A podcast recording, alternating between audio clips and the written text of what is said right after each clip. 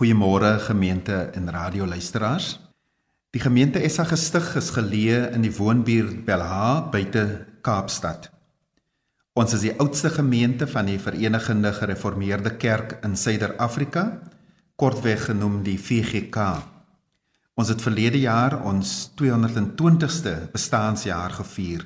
'n Lang pad sedert die stigting van die eerste slawekerk in 1799.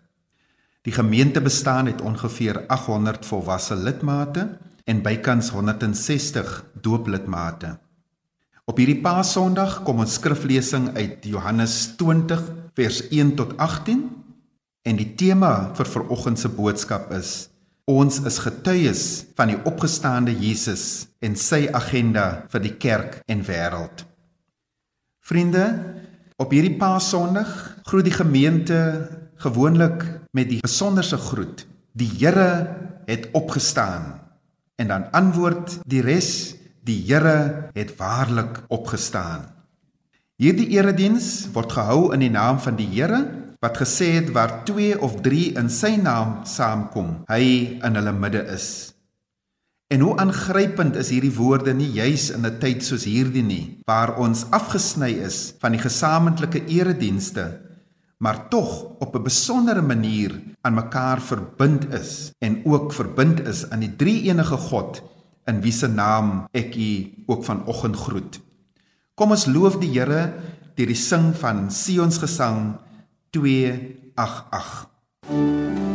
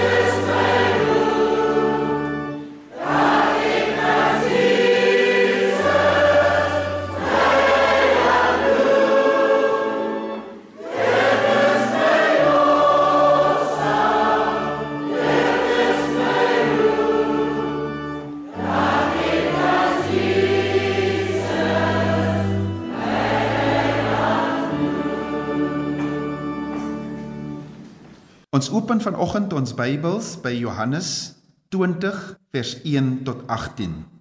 Maar kom ons bid eers saam. Here, open ons oë en ore om te sien en te hoor wanneer ons nou u woord gaan lees. Maak ons harte ontvanklik dat die saad van u woord goeie grond sal vind om te val. Ons vra dit in die naam van die woord wat mens geword het en onder ons kom woon het. Jesus Christus, ons Heer. Amen. Die Sondagmôre vroeg, toe dit nog donker was, kom Maria Magdalena by die graf en sien dat die klip van die graf af weggerol is. Sy hardloop toe en gaan na Simon Petrus en na die ander disippels toe vir wie Jesus baie lief was en sê vir hulle: Hulle het die Here uit die graf weggevat en ons weet nie waar hulle hom nou begrawe het nie. Petrus en die ander disipel het toe uitgekom en na die graf toe gegaan. Die twee het saam begin hardloop. Maar die ander disipel het vinniger as Petrus gehardloop en eerste by die graf gekom. Toe hy vooroor buig, sien hy die doeke lê, maar hy het nie ingegaan nie. Na hom het Simon Petrus ook daar aangekom en hy het in die graf ingegaan. Hy sien toe die doeke daar lê ook die doek wat om Jesus se kop was. Die doek het nie by die ander doeke gelê nie, maar was eenkant afsonderlik opgerol. Daarna het die ander disipel wat eerste by die graf gekom het, ook ingegaan en het dit ook gesien en geglo. Hulle het nog nie die skrif verstaan dat Jesus uit die dood moet opstaan nie. Daarna het die disippels weer huis toe gegaan. Maar Maria het buite die graf bly staan en huil. Terwyl sy huil, het sy vooroor gebuk om in die graf in te kyk. Toe sien sy twee engele met wit klere aan daar sit waar die liggaam van Jesus gelê het, een waar die kop en een waar die voete was. Hulle vra toe vir haar: "Mevrou, waarom huil jy?" Sy antwoord hulle: "Omdat hulle my Here weggevat het." En ek nie weet waar hulle hom nou begrawe het nie. Nadat sy dit gesê het, het sy omgedraai en vir Jesus daar sien staan, maar sy het nie geweet dat dit hy is nie. Jesus vra toe vir haar: "Mevrou, waarom huil jy? Vir wie soek jy?" Sy het gedink dit is die tuinopsigter en sy het vir hom gesê: "Meneer, as u hom weggevat het, Sê vir my waar u hom begrawe het en ek sal hom daar gaan haal. Jesus het vir haar gesê: "Maria." Sy draai toe om en sê in Hebreëus vir hom: "Rabboni." Dit beteken leermeester. Jesus sê toe vir haar: "Moet my nie vashou nie, want ek het nog nie na die Vader toe opgevaar nie. Maar gaan na my broers toe en sê vir hulle: Ek vaar op na my Vader toe, wat ook julle Vader is, na my God wat ook julle God is. Maria Magdalena het toe vir die disippels gaan sê: Ek het die Here gesien en sy het ook vertel wat hy vir haar gesê het. Dit is die woord van die Here. In antwoord op die skriflesing sing ons vervolgens Gesang 165.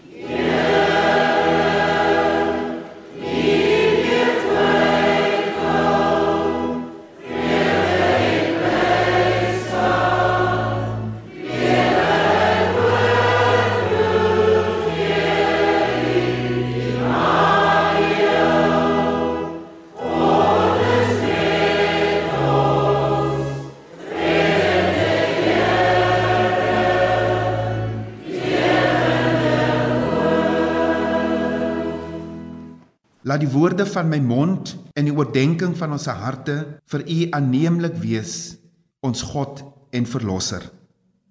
Ons tema vir die woordverkondiging vanoggend is ons is getuies van die opgestaande Jesus en sy agenda vir die kerk en die wêreld. Dit is nooit maklik om te preek nie. Glo my vry. Na byna 33 jaar in die bediening as predikant kan ek persoonlik hiervan getuig. Om op Paasondag te preek behoort mos eintlik makliker te wees. Het ons dan nie aan die begin mekaar met die oer-Christelike groet gegroet nie? Die Here het opgestaan. Die Here het waarlik opgestaan. Bely ons dan nie Sondag na Sondag met Christene oor die wêreld heen dat ons glo in Jesus Christus, die enige gebore seun, ons Here wat gekruisig is gesterf het en begrawe is en ter helle neergedaal het wat op die derde dag weer opgestaan het uit die dode. En weer later ek glo in die opstanding van die vlees. Opstanding sonderdag in 'n tyd van die globale pandemie veroorsaak deur die COVID-19 of koronavirus en die gepaardgaande ramptoestand en staat van inperking waarna sommige verwys as die Grendelstaat bring sy eie problematisering mee wanneer ons op 'n dag soos hierdie moet preek. Dit is juis 'n tyd dat daar uiteenlopende sieninge en geloofs-oortuigings onder die Christene is. Daar is diegene wat glo dat kerke eintlik oop behoort te wees in 'n tyd soos hierdie dat Christene maar alleen moet staan op die feit van Christus se heerskappy oor siekte en bose geeste en wat ook al. Diegene wat so glo, haal 'n klomp tekste uit die Bybel aan om aan te dui dat ons maar net moet vertrou. Dat niks ons eintlik leed kan aandoen nie. Dat hierdie maar net 'n manier is dat ons geloof getoets word. Aan die ander kant is daar gelowiges wat sê nee, Ons hoef tog nou nie martelaars te wees nie. Ons moet eerder op hierdie stadium gehoorsame landsburgers wees wat op verantwoordelike manier ons geloof in 'n tyd soos hierdie uitleef. Ons moet juis nie op 'n goedkoop manier omgaan met die kosbare lewens waarvoor Christus 'n duur prys betaal het nie. Baie sal dan ook verwys na mense wat juis die virus opgetel het tydens kerkbyeenkomste en dat sommige selfs gesterf het. So hoe lees ons die Bybel en spesifiek die opstandingsverhaal, die leeggraf, die verskyning van Jesus aan Maria Magdalena en die disippels soos vertel deur Johannes op hierdie dag? Help dit ons enigsins? Die invalshoek wat vir my persoonlik op 'n nuwe manier help is die feit dat ons almal verwys na hierdie wêreldpandemie en ons hantering daarvan as ongekende waters waarop ons moet vaar. Ons het wel lesse uit die verlede, maar onsself, hierdie geslag, is nou vir die eerste keer self binne so 'n situasie. En dis hier waar hierdie verhaal vir my nuwe betekenis kry. Want die disippels en Maria Magdalena word gekonfronteer met ongekende waters. 'n Lewe sonder hulle leermeester en hulle Heer. Ja, hulle het 'n paadjie saam met hom geloop, aan sy voete gesit en geluister na sy leringe. Hulle het baie van sy wonderwerke self aanskou, ook die kere toe hy mense uit die dood opgewek het. Maria Magdalena self was volgens getuienis 'n baie getroue volgeling van Jesus. Sy het waarskynlik saam met hom gereis en baie agter die skerms hulp en ondersteuning aan Jesus en die disippels gebied. Maar nou is Jesus self dood. Die vroue en Johannes was immers daar op Golgotha. Van die kruis af het hy dan nog met die vroue en spesifiek met Johannes en sy moeder gepraat. Hulle daardie laaste harde uitroepe duidelik gehoor, dit is volbring. En Vader, in u hande gee ek my gees oor. Dit was soos 'n skerp pyl deur hulle harte. Hulle het op 'n afstand gesien hoe sy liggaam van die kruis afgehaal is en weet dat Josef van Arimatea toestemming van Pilatus verkry het om Jesus se liggaam in 'n rotsgraf te gaan neerlê waar nog niemand ooit begrawe was nie. Die vroue het met hulle eie oë gesien en eers daarna huis toe gegaan. Hulle dan ook reukolie en salf reggemaak om na die Sabbatdag verby is terug te gaan na die graf om die liggaam te balsem. En dis waar Johannes se storie ons vanoggend ook in die prentjie bring. Maria is voorberei op 'n dooie Jesus, 'n liggaam in 'n graf wat gebalsem moet word. Sy verwag 'n graf wat beveilig is en met wagte en 'n groot klip voor die ingang omdat die Romeinse owerhede en ook die godsdienstleiers seker wil maak dat Jesus as dit ware dood bly. Nou word Maria gekonfronteer met die klip wat weggerol is. Onmiddellik flikker rooi ligte vir haar. Sy gaan eens in om te kyk nie.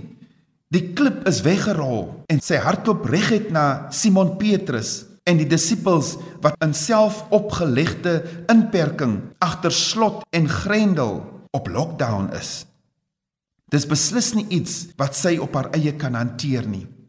Haar geloof het haar nie hierop voorberei nie. Al wat sy weet, daar was 'n sekuriteitsverbreeking en dit beteken net een ding.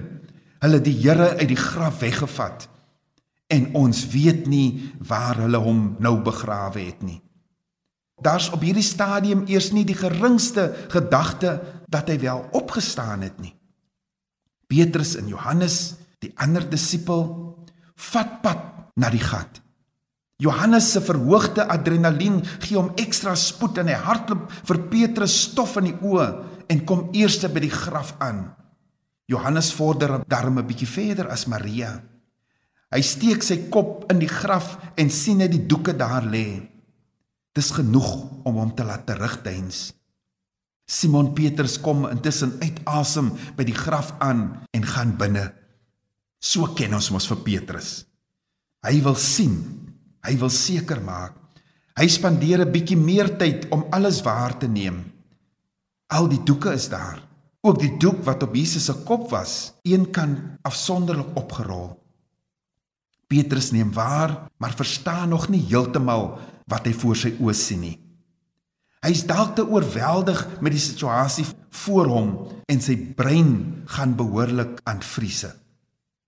Intussen skep Johannes genoeg moed bymekaar om weer nader te kom en ook tot binne in die graf te kom. Hy sien en glo. Sommige uitleggers meen dat hierdie glo waarskynlik vir hom nog niks te maak gehad het met die geloof dat Jesus uit die dood opgestaan het nie dat hy eintlik maar net Maria se storie geglo het dat hulle die Here uit die graf weggevat het. Johannes skryf dan die volgende: Daarna het die disippels weer huis toe gegaan, terug na hulle selfinperking. Geen beskrywing van hulle emosie of enigiets nie.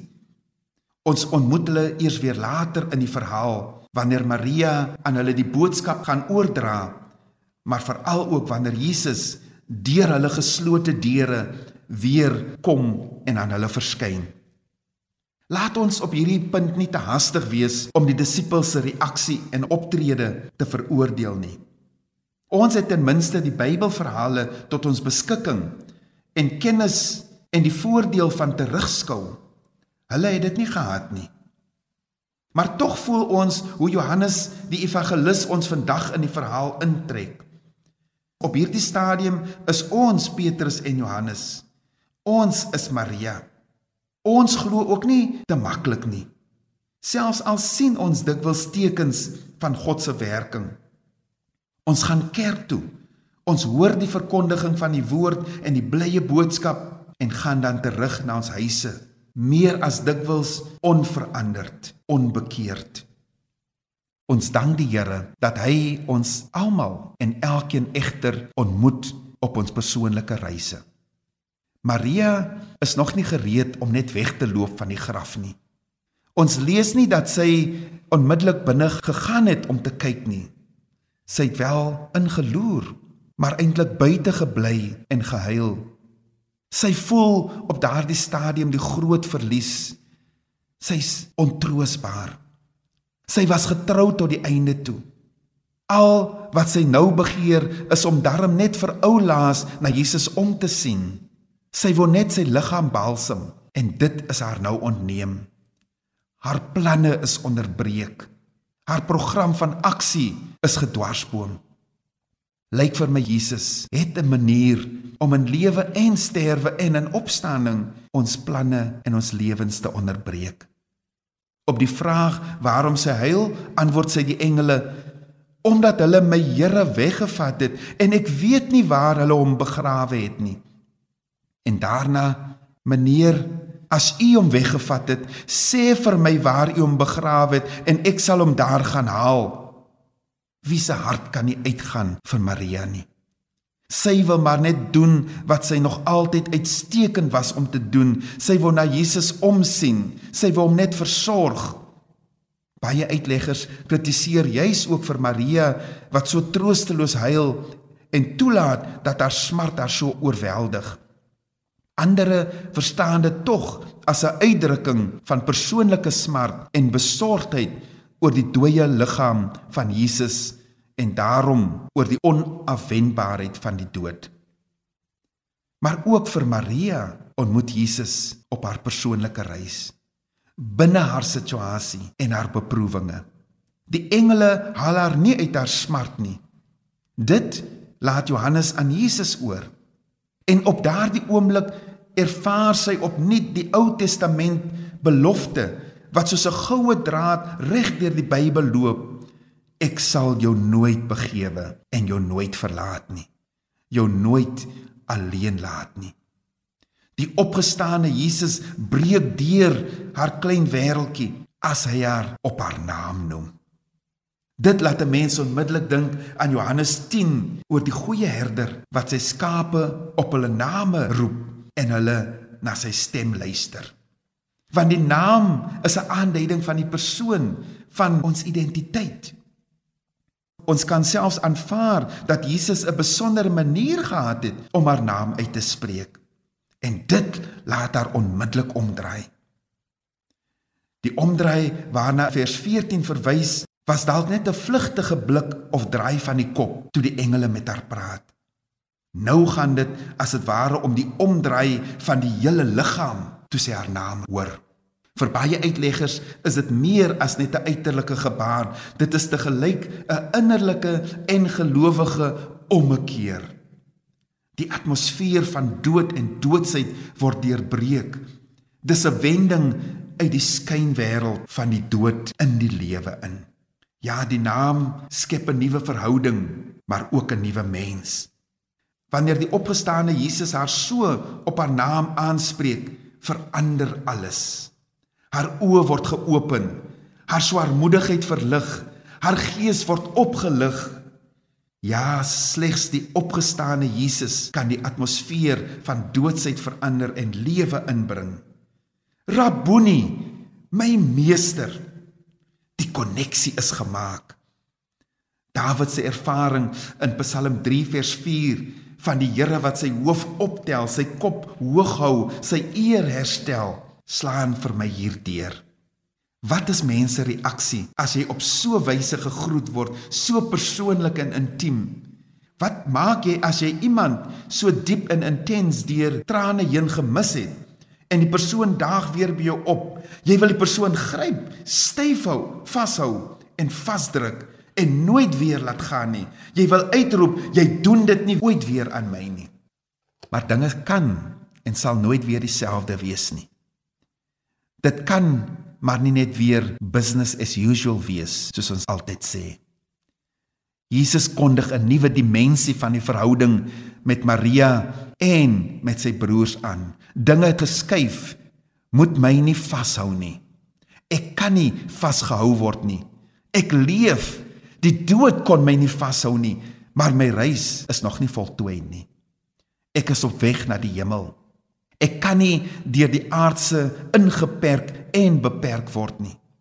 Gaan vertel dit vir my broers Nie dat ek opgestaan het nie, maar eerder dat ek besig is om op te vaar na my Vader wat ook julle Vader is, na my God wat ook julle God is. Wat beteken hierdie boodskap van Jesus se opstanding vir ons vandag in die verhaal soos Johannes dit vir ons vertel? Wat kan ons leer uit hierdie bekende verhaal?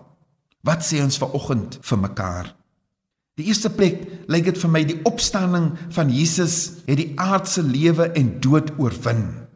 Dit kan ons getuig van. Die onmoontlike het gebeur. Hy het uit die dood opgestaan. Die graf is leeg. Dood en graf is verslaan. Die dood is ontangel, sing Paulus die oorwinningslied in 1 Korintiërs 15. En Jesus se woorde aan die suster van Lazarus roep ook vir ons vanoggend tot geloof. Wanneer ons lees Johannes 11 vers 25 en 26, toe sê Jesus vir haar: "Ek is die opstanding en die lewe. Wie in my glo sal lewe al sterwe hy ook. En elkeen wat lewe en in my glo, sal in alle ewigheid nooit sterwe nie. Glo jy dit?" In die tweede plek Die opgestane Jesus ontmoet elkeen van ons waar ons is op ons lewensreis, op ons geloofsreis. Vir Maria ontmoet hy in haar smart, die disippels in die bovertrek in hulle vrees en angs, Thomas later in sy twyfel.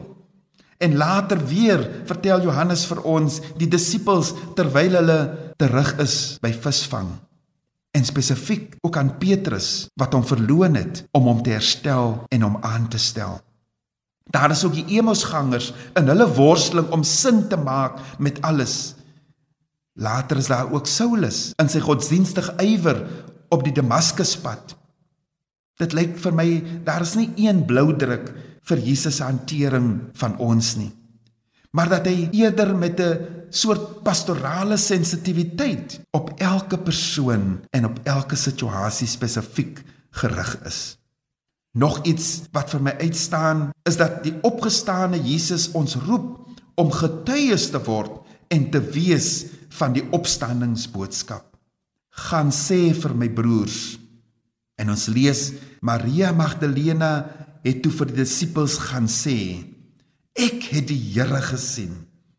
En sy het ook vertel wat hy vir haar gesê het.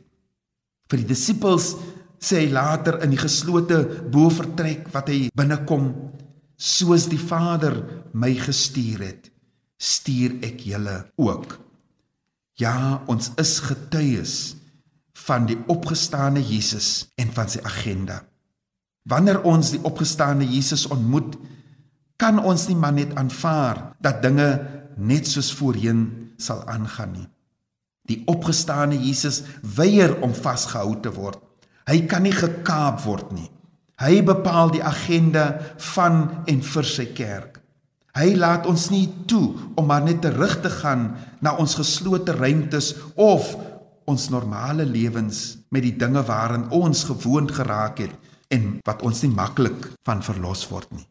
Terwyl ons dan hierdie ongekende tye beleef, laat ons bid dat die Here ons oë sal open om hom opnuut te kan sien sodat ons saam en soos Maria kan getuig ek het die Here gesien.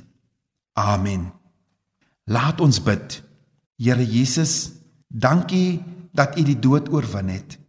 Dankie dat u ons deelgenote maak van die opstanding. Ontmoet asseblief elkeen van ons wat na hierdie boodskap geluister het waar ons is en neem ons by die hand en lei ons voort Gee dat ons ware getuies van U sal wees waar ons onsself ook al mag bevind. Saam met Paulus bid ons vanoggend. Here, onsse God, verhelder ons geestesoë sodat ons kan weet hoe geweldig groot U krag is wat U uitoefen in ons wat glo dat ons sal besef dat dit dieselfde kragtige werking van u mag is wat u uitoefen toe u Christus uit die dood opgewek het en hom in die hemel aan u regterhand laat sit het. Dit alles vra ons in die naam van Jesus Christus ons Here. Amen. Wil u nou ook saam met my u geloof in die drie enige God bely deur die woorde van die apostoliese geloofsbelijdenis op te sê waar U is. Ek glo in God die Vader, die almagtige, die skepper van die hemel en die aarde, en in Jesus Christus, sy enige gebore seun, ons Here, wat ontvang is van die Heilige Gees, gebore is uit die maagd Maria, wat gelei het onder Pontius Pilatus, gekruisig is, gesterf het en begrawe is en ter helle neergedaal het. Wat op die 3de dag weer opgestaan het uit die dode, wat opgevaar het na die hemel en sit aan die regterhand van God, die almagtige Vader. Van waar hy sal kom om te oordeel die wat nog lewe en die wat reeds gesterf het. Ek glo in die Heilige Gees. Ek glo aan 'n heilige algemene Christelike kerk, die gemeenskap van die heiliges, die vergifnis van sondes, die opstanding van die vlees en 'n ewige lewe. Amen. Ons slotlied is Sion's gesang 194.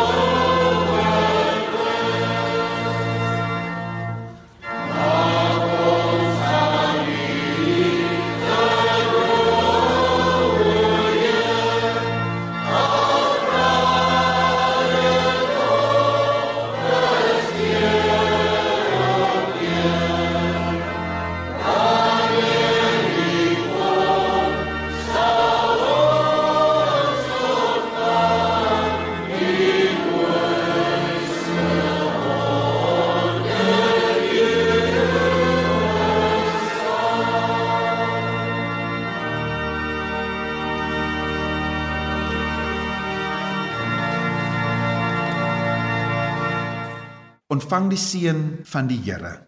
Die Here sal jou seën en jou behoed. Die Here sal sy aangesig oor jou laat skyn en jou genadig wees. Die Here sal sy aangesig oor jou verhef en aan jou vrede gee. En ek lê die naam van die Here op jou en ek seën jou. Amen.